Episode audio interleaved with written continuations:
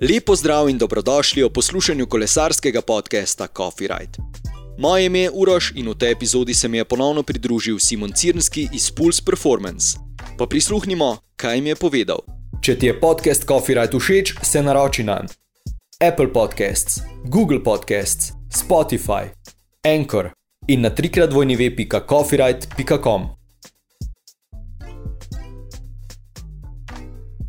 Takole, danes ponovno v moji družbi Simon Cirnski iz Pulse Performance. Lepo zdrav, Simon. Ja, Pozdravljen, Uroš. Ne bova te ponovno predstavljala. Se je kaj spremenilo od nazadnje, ko sva sedela skupaj na kavi? Huh, no, pri nas poskušamo te naše storitve razvijati iz tedna v teden. Uh, veliko stvari testiramo. Tako da v bistvu vsak teden kaj novega opeljemo v naše storitve, v treninge, v prehrano. Tako da najboljš, da pač si ogledate, kaj ponujamo, bomo videli, če je kaj za vas. Okay. Na zadnje si povedal, da se v večernih urah največkrat poslužuješ brez kofeinske kave z mlekom. Se je tukaj kaj spremenilo ali ostaješ pri tem? Um, ne, tle je ostala zadeva kar podobna. Uh, sicer spijem kar zadostne količine kave, ampak uh, v popoldanskih urah pač poskušam bolj kot ne brez kofeinsko. Tudi zaradi tega, da je pač spanec malo boljši, uh, tako da nič večjih sprememb. O čem bomo govorili danes? O pretreniranosti. Ne? In sicer najboljše, da pričneva. Torej, kaj sploh je pretreniranost? No, jaz bi v bistvu tle začel kar z enim takim citatom, ki mi je padel na pamet glih uh, par dni nazaj, ker sem pripravil prvi post na temo pretreniranosti. In to v bistvu ni vse, kar je utrujenost, pretreniranost. Uh, in to bomo v bistvu zdaj skozi tale uh, podcast tudi spoznali, da temu ni tako. Pa da kar začnemo. No. Uh, moramo vedeti, zato, da bi bil trenažni proces uspešen, moramo telo spraviti pod neko količino stresa, se pravi, moramo upraviti nek trening. To povzroča utrujenost, po utrujenosti je potrebna regeneracija, zato da pač se telo regenerira, adaptira in napreduje. Tle pa polnoter pride do te faze pretreniranosti, se pravi, kadar nimamo ravnovesja med uh, stimulansom treninga in pa regeneracijo, se pravi, kadar je preveč treninga ali pa premalo regeneracije. Tako da Sam pojem pretreniranosti je kar širok, jaz ga bi razdelil kar na štiri faze, te so tudi nekako znanstveno opredeljene. Prva faza bi bila čist nekakšna akutna utrujenost, to je primer, recimo danes opravimo nek trening, po treningu smo utrujeni, po takem treningu, recimo v parih urah, mogoče v enem dnevu se popolnoma regeneriramo in smo pač pripravljeni na drug trening. To je bila prva faza, druga faza imamo funkcionalni overreaching, funkcionalni v bistvu zato, ker je dobrodošel in tudi potreben za nek uh, dolgoročni razvoj. V tem primeru gre pač za utrujenostjo, ki jo v telesu nabiramo recimo nekaj dni, mogoče en teden, dva tedna. Se pravi, to bi lahko rekli kot mogoče kakšen trening camp, gremo recimo za 14 dni na Kanarske, tam relativno veliko odtreniramo. In v tej fazi se v bistvu zgodi to, da naša pripravljenost malo pade, telo je kar utrujeno, ampak če si v naslednjih nekaj dneh, tednih vzamemo dovolj regeneracije, nekih lažjih treningov počitka, pride do te superkompenzacije in telo napreduje. V tej fazi je mogoče tudi potrebno že malo paziti, saj tudi v bistvu naš imunski sistem se e, oslabi kar pomeni, da smo bolj dovzetni za kakšne bolezni, se pravi prehladi in podobne stvari, se pravi kakšne virusne okužbe, kadar smo v stiku z večjimi ljudmi.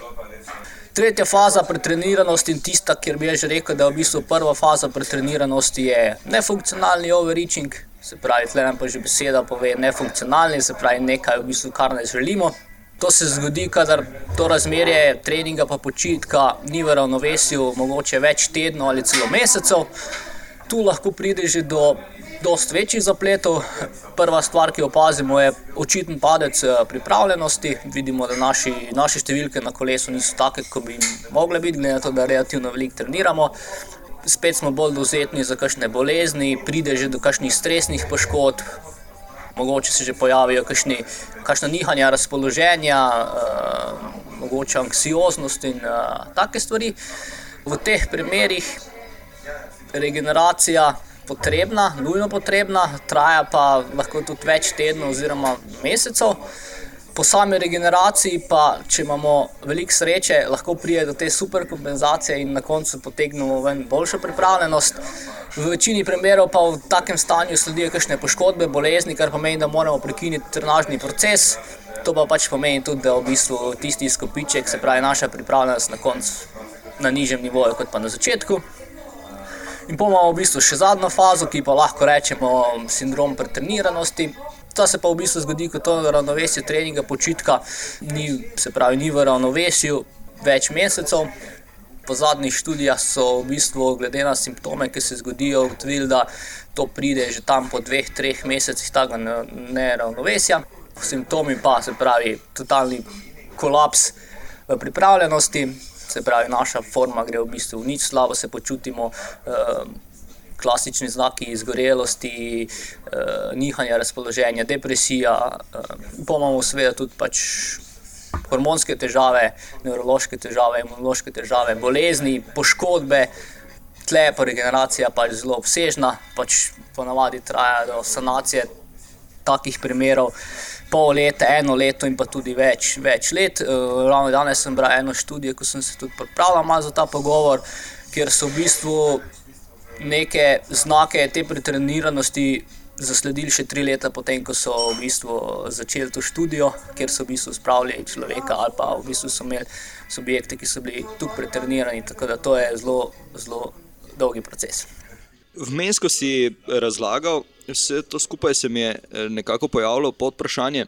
V primeru, ko bi v narekovajih jaz želel trening, da mi ga napišete. Pa bi nekaj sestavili skupaj.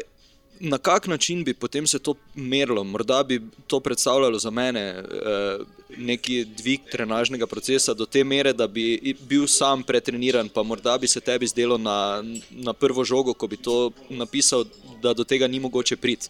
Na kak način se bi recimo to zmerilo, eh, da prihaja do pretreniranosti, recimo v dveh, treh tednih?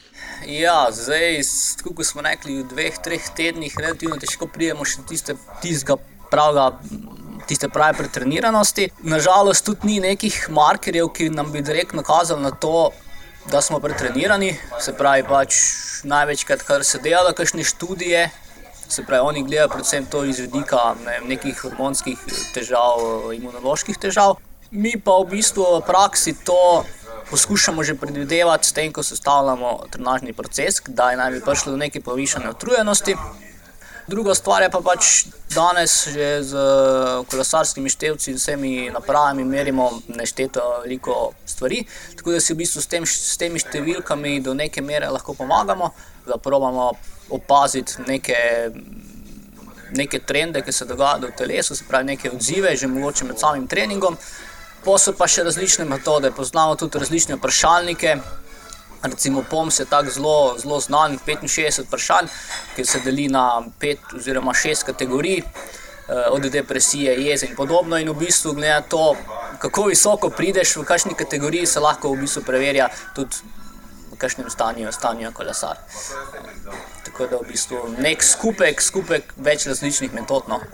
Povedal si, kaj so recimo simptomi pretreniranosti, kaj pa so lahko še ostali dejavniki poleg preveč treninga, recimo izbira slabe hrane, sprememba okolja, še kaj takšnega? Hm, ja, kot si rekel, pravi, če pogledamo, zakaj, zakaj pride do te pretreniranosti, se pravi, da nimamo tega ravnovesja med eh, treningom in pa regeneracijo. Se pravi, če pogledamo tle spremenljivko regeneracija, je tukaj, kot si rekel, na to stvar vpliva zelo veliko dejavnikov. To je lahko pač nekvalitetna prehrana, spanje, stres, se pravi, drugi stresori, se pravi, okolje, delo, služba, družina. To vse v bistvu lahko povzroča nek stres na, na športnika, kar lahko vse v bistvu to sam poslabša. Kako pa recimo psihični, mentalni stres vpliva na pretreniranost? Je tu še kaj dodatno, poleg recimo slabe hrane, spremembe okolja, je ta dejavnik še toliko bolj intenziven?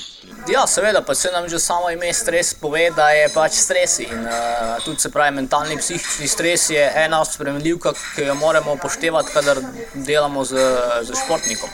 Se pravi, neka stresna služba lahko v bistvu povzroča ta da, dodatno, vem, dodaten napor.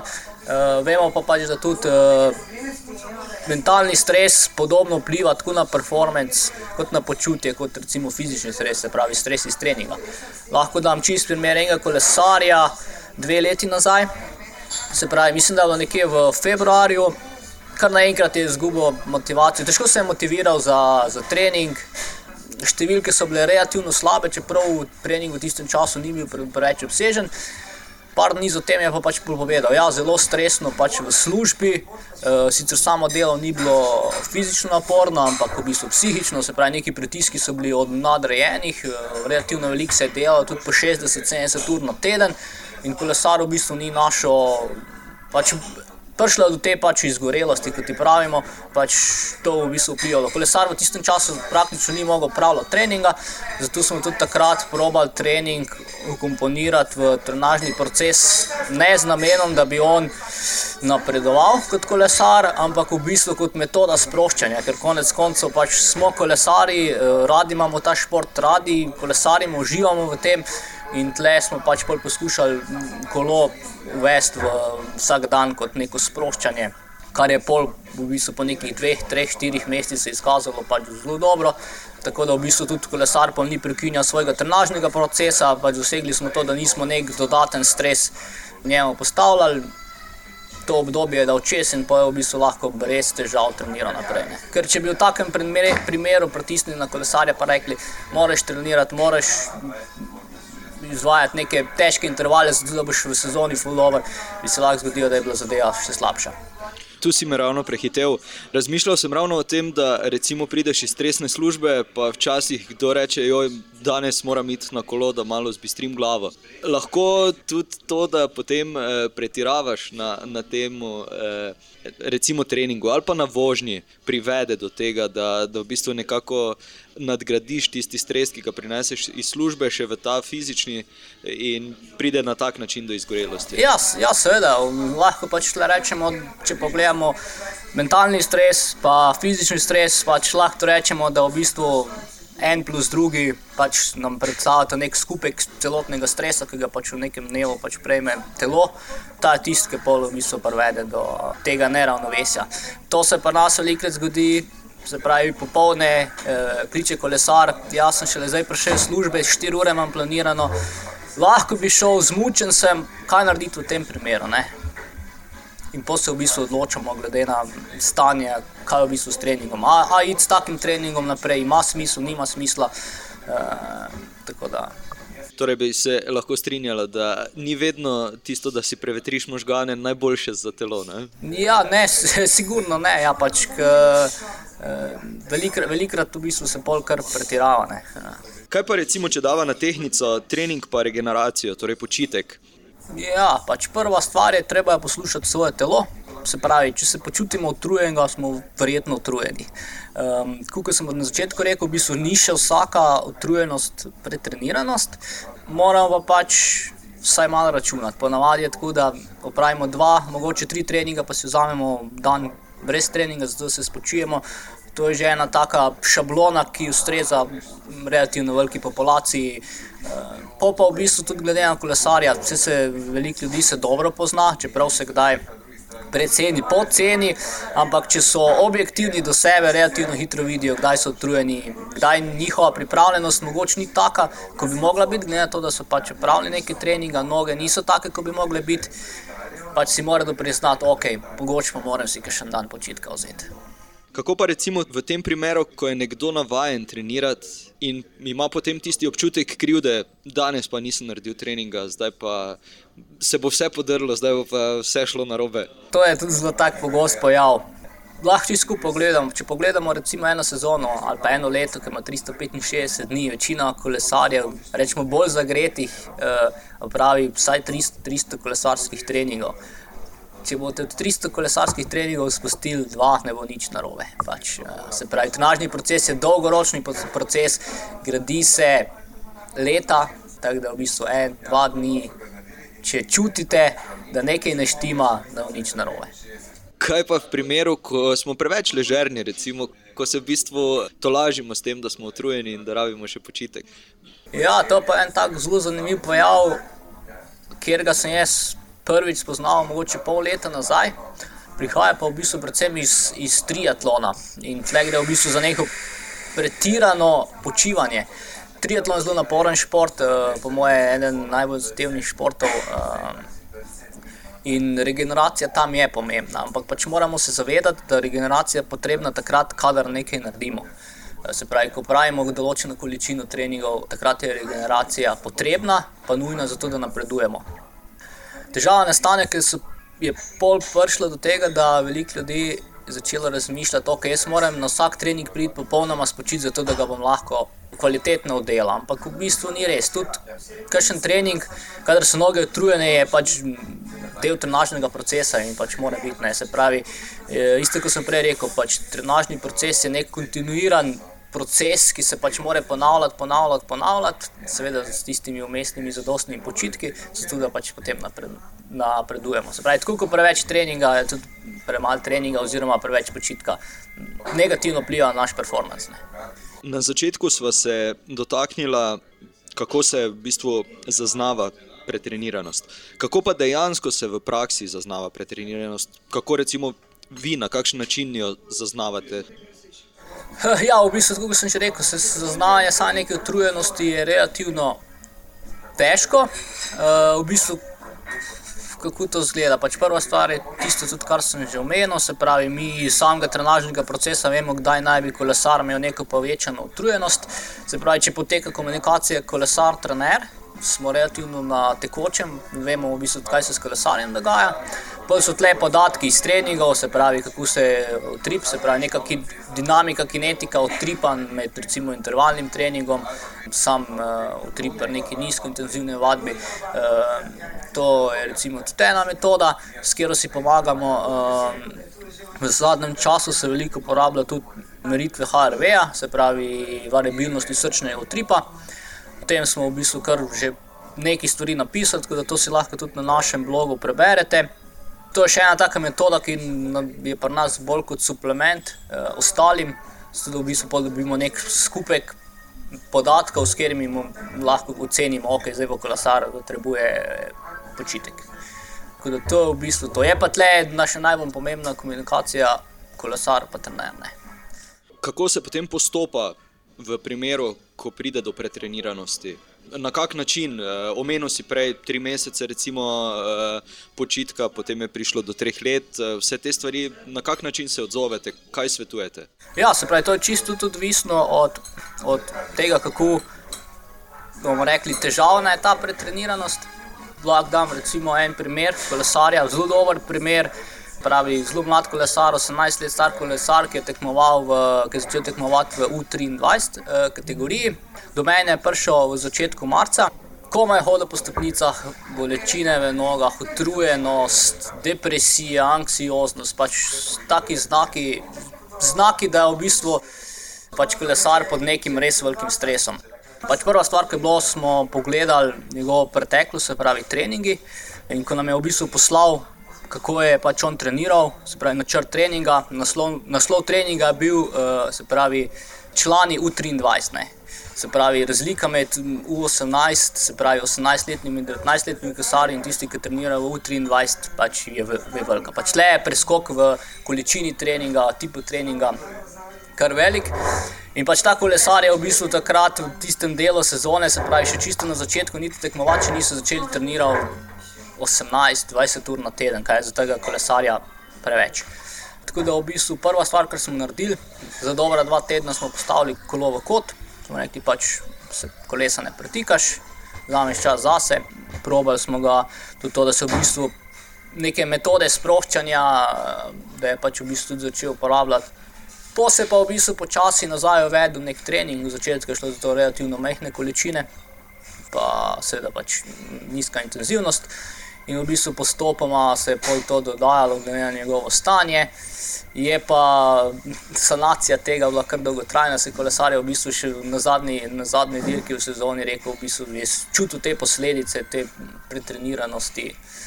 Tako da, ja, v bistvu v začetku je potreben počitek, najboljše je v bistvu, da se kar odklopimo od kolesa, vsaj za teden, dva, mogoče tri. Se tudi v bistvu v vsaki končani sezoni se kolesari če se le da odklopiti, mogoče za 10-20 dni od kolesa. tudi zato, da se v bistvu glava malo odklopi. Podobno v tem primeru, pa v bistvu začnemo z nekim zmernim treningom, počasi nazaj in se pač postopno. Ne. Kolesari so se po končani sezoni odklopili za 2 do 3, 4 tedne, in potem je prišel Zwift in pametni trenerji. in se sezone naenkrat niso več končale, ampak so se kar nadaljevale v te zimske treninge, kjer tudi še lažje, v bistvu se mi zdi, da pride do pretreniranosti. Ne? Ja, Zwift je zelo dobra zadeva. Uh, ne, ja, absolutno. Ja. Seveda, ampak ja, so pa v bistvu s tem, s tem so prišle tudi nove težave. Ne, tako kot si sam rekel. Mi so kolesari tekmuje do nekje do začetek oktobra. Po se pa v bistvu že začenjajo te zvift lige in se pravi, se pravi enkrat, dvakrat na teden spet dirka in dirka in dirka. In ni tega pravega počitka. In seveda želja potem, da tudi na teh dirkah pokažejo dobre rezultate, pomeni, da se veliko kolesarjev odloča še za resnejši trening, bolj strukturiran, več intenzivnega treninga eh, na trenažerjih, na Zwiftu, kar pa pač pol propele to preveč stresa, premalo počitka. Eh, pol pride januar, februar, začetek sezone in se zgodi, da so kolesarji že pred začetkom sezone v bistvu tako utrujeni, da da, da je pač potreben tisti počitek, ki bi bil mogoče v pokončani sezoni. Ne. Namen tega, da sem omenil Zwift in vse to, je ravno zapis na vašem blogu, kjer se dotakneš, oziroma dotaknete teme v narekovajih 200 vatov eh, na trenažerju, ni enako kot 200 vatov zunaj FTP-ja. Je problem pri Zwiftu ravno ta intenzivnost, ali, ali pač enostavno to, da ljudje preveč eh, časa zapravijo? Na... V tem primeru je par stvari, ki je težavnih.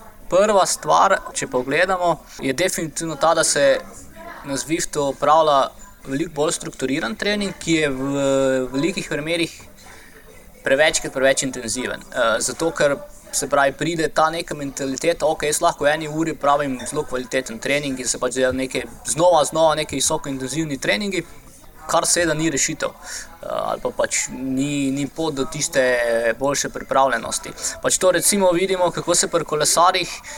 Iz recimo, sezonskih številk, recimo, bom dal primer eh, enega amaterskega kolesarja, poprečna moč v poletnih, poletnih eh, mesecih, pa spomladanskih, je nekje 180-190 vatov, po zimi se gre na zviv, ta moč zraste nekje na 220-230 in to je povprečna moč.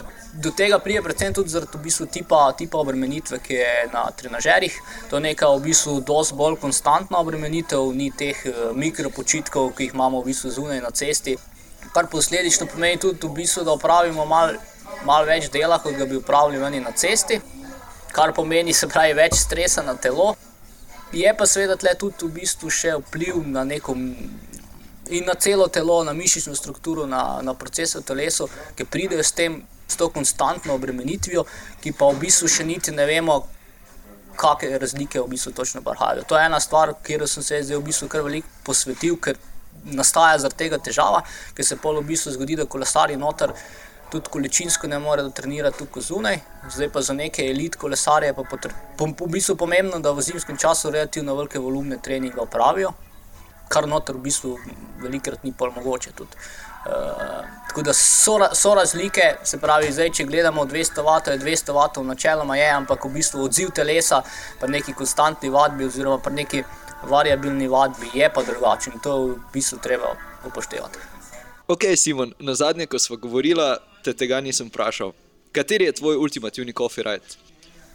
Ha, v bistvu naj bom rekel, zunkolan. Se pravi, dan po Alpe Adrija dirki Karnija Classic. To je že tako, bomo rekli, kar tradicionalno med nami, eh, kolegi, da se v bistvu dan po dirki, se pravi, na dan dirke ne gremo dirkati na zunkolan, ampak ga raje spustimo, tako da se v bistvu naslednji dan odpravimo v mal eh, bolj ležernem tempu gor. Gor so tudi lepi razgledi, tudi težak spon, se pravi, prigaramo tisto kavo, ki jo pol spijemo dol v dolini, se pravi, eno pravo italijansko kavo. Vrhunsko, super. Evo, pa za konec še morda kakšna tvoja misel, kakšen svet poslušalcem, kolesarjem. Ok, ker smo v bistvu zadnjo temo, ki smo obdelali, Zwift, super stvar, dirke Zwift, odlično, lahko se komponira do enkrat tedensko, brez težav. Pomembno je samo, da se v bistvu temu prilagodi tudi preostanek treninga. Se pravi, da se ostalo upravi relativno nizko intenzivno, mogoče še en dan počitka, da lahko pol konec tedna na dirke damo v bistvu vse, kar noge da. Super, najlepša ti hvala. Hvala tebi. Simonu še enkrat najlepša hvala, da si vzel čas za kavico in pogovor. Mi se ponovno slišimo prihodnji petek. Copyright je na voljo na skoraj vseh podcast platformah: Apple Podcasts, Google Podcasts, Spotify, Anchor in na trikrat vojni web.copyright.com.